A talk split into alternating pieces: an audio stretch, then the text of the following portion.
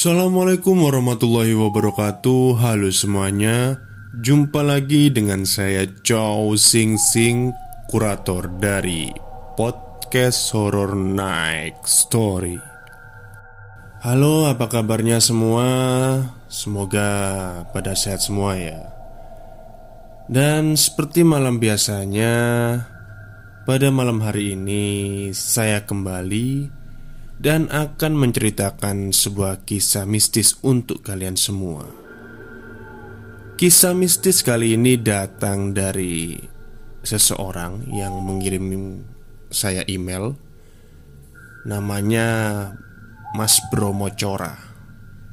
Jadi beliau menceritakan pengalaman mistis saat beliau masih menjadi anak pondok. Seperti apa kisahnya? Mari kita simak. Halo semuanya. Mungkin cerita ini agak mirip dengan yang sering kita lihat-lihat di film. Tapi ini real dan terjadi pada diri saya. Kejadian ini terjadi di tahun 2008 Waktu saya masih menjadi pelajar pondok pesantren Salafiyah di daerah selatan Banten, tepatnya di Baya. Lokasi pesantren saya ini agak dekat dengan pantai selatan, dan daerahnya juga berbatasan langsung dengan hutan belantara.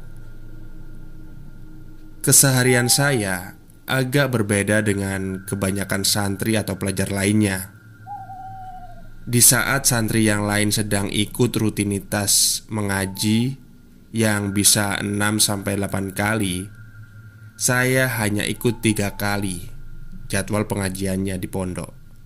Dikarenakan memang saya ini pemalas. Pada suatu hari Saya mendengar ada pengumuman yang meninggal di desa itu. Di desa tempat saya mondok itu Pengumuman itu terdengar sangat jelas. Karena komplek ponpes saya ini Dekat dengan musala desa.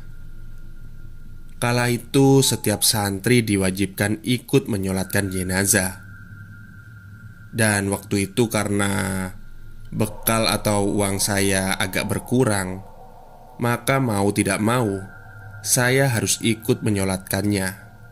Soalnya lumayan suka ada amplop solawatannya.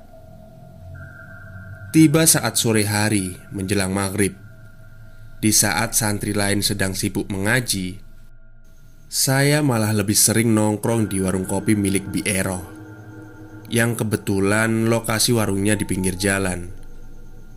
Tapi ketika saya sedang menikmati satu gelas kopi yang hangat, saya dikagetkan dengan suara perempuan yang agak sedikit parau.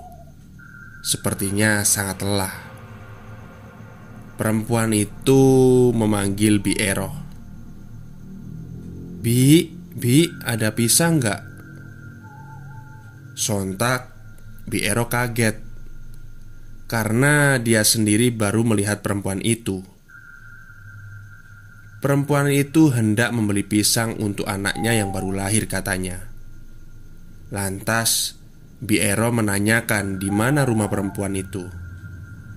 Dan perempuan itu pun menunjuk ke arah hutan Yang dikenal agak seram.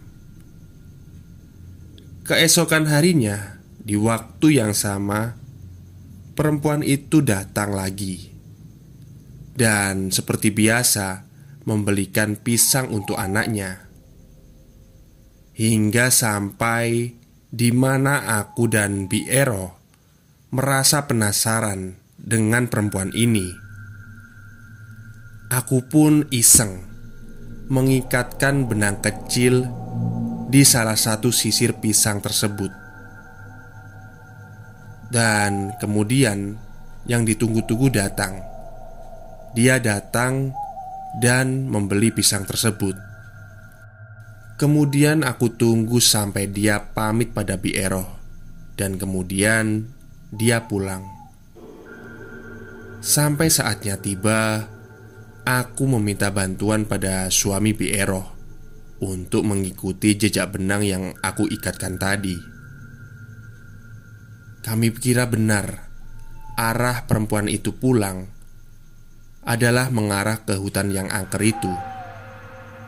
Tapi ternyata jejak benang itu tidak mengarah ke sana, melainkan belok mengarah ke komplek perkuburan umum. Dengan rasa penasaran yang amat, aku dan suami Biero terus mengikuti benang tersebut.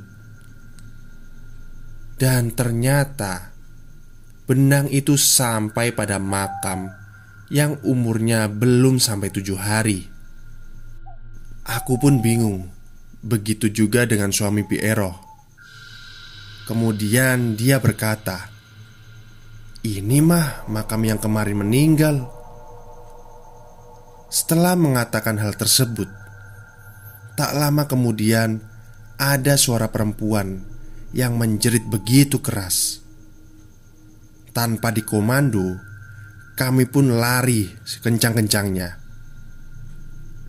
Kemudian, keesokan harinya, aku memberanikan diri untuk menanyakan apa yang sebenarnya terjadi kepada si ahli waris yang meninggal itu.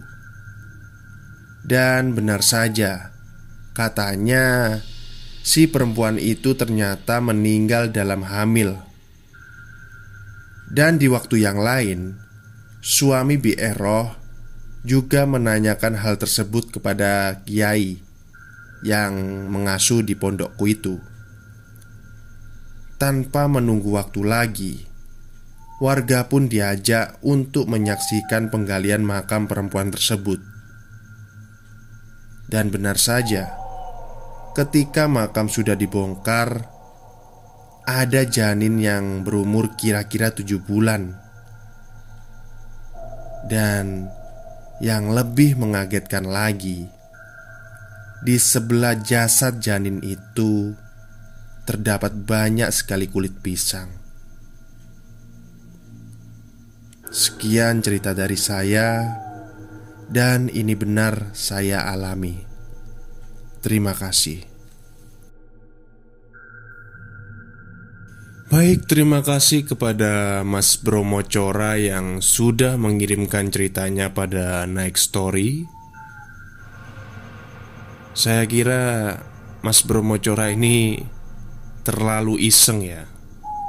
Sampai-sampai mengikatkan benang pada sisir karena apa? sangat penasaran pada seorang perempuan. Kalau saya sih saya biarkan aja ya. Mungkin bisa tanya-tanya pada orang gitu tapi nggak apa-apa lah.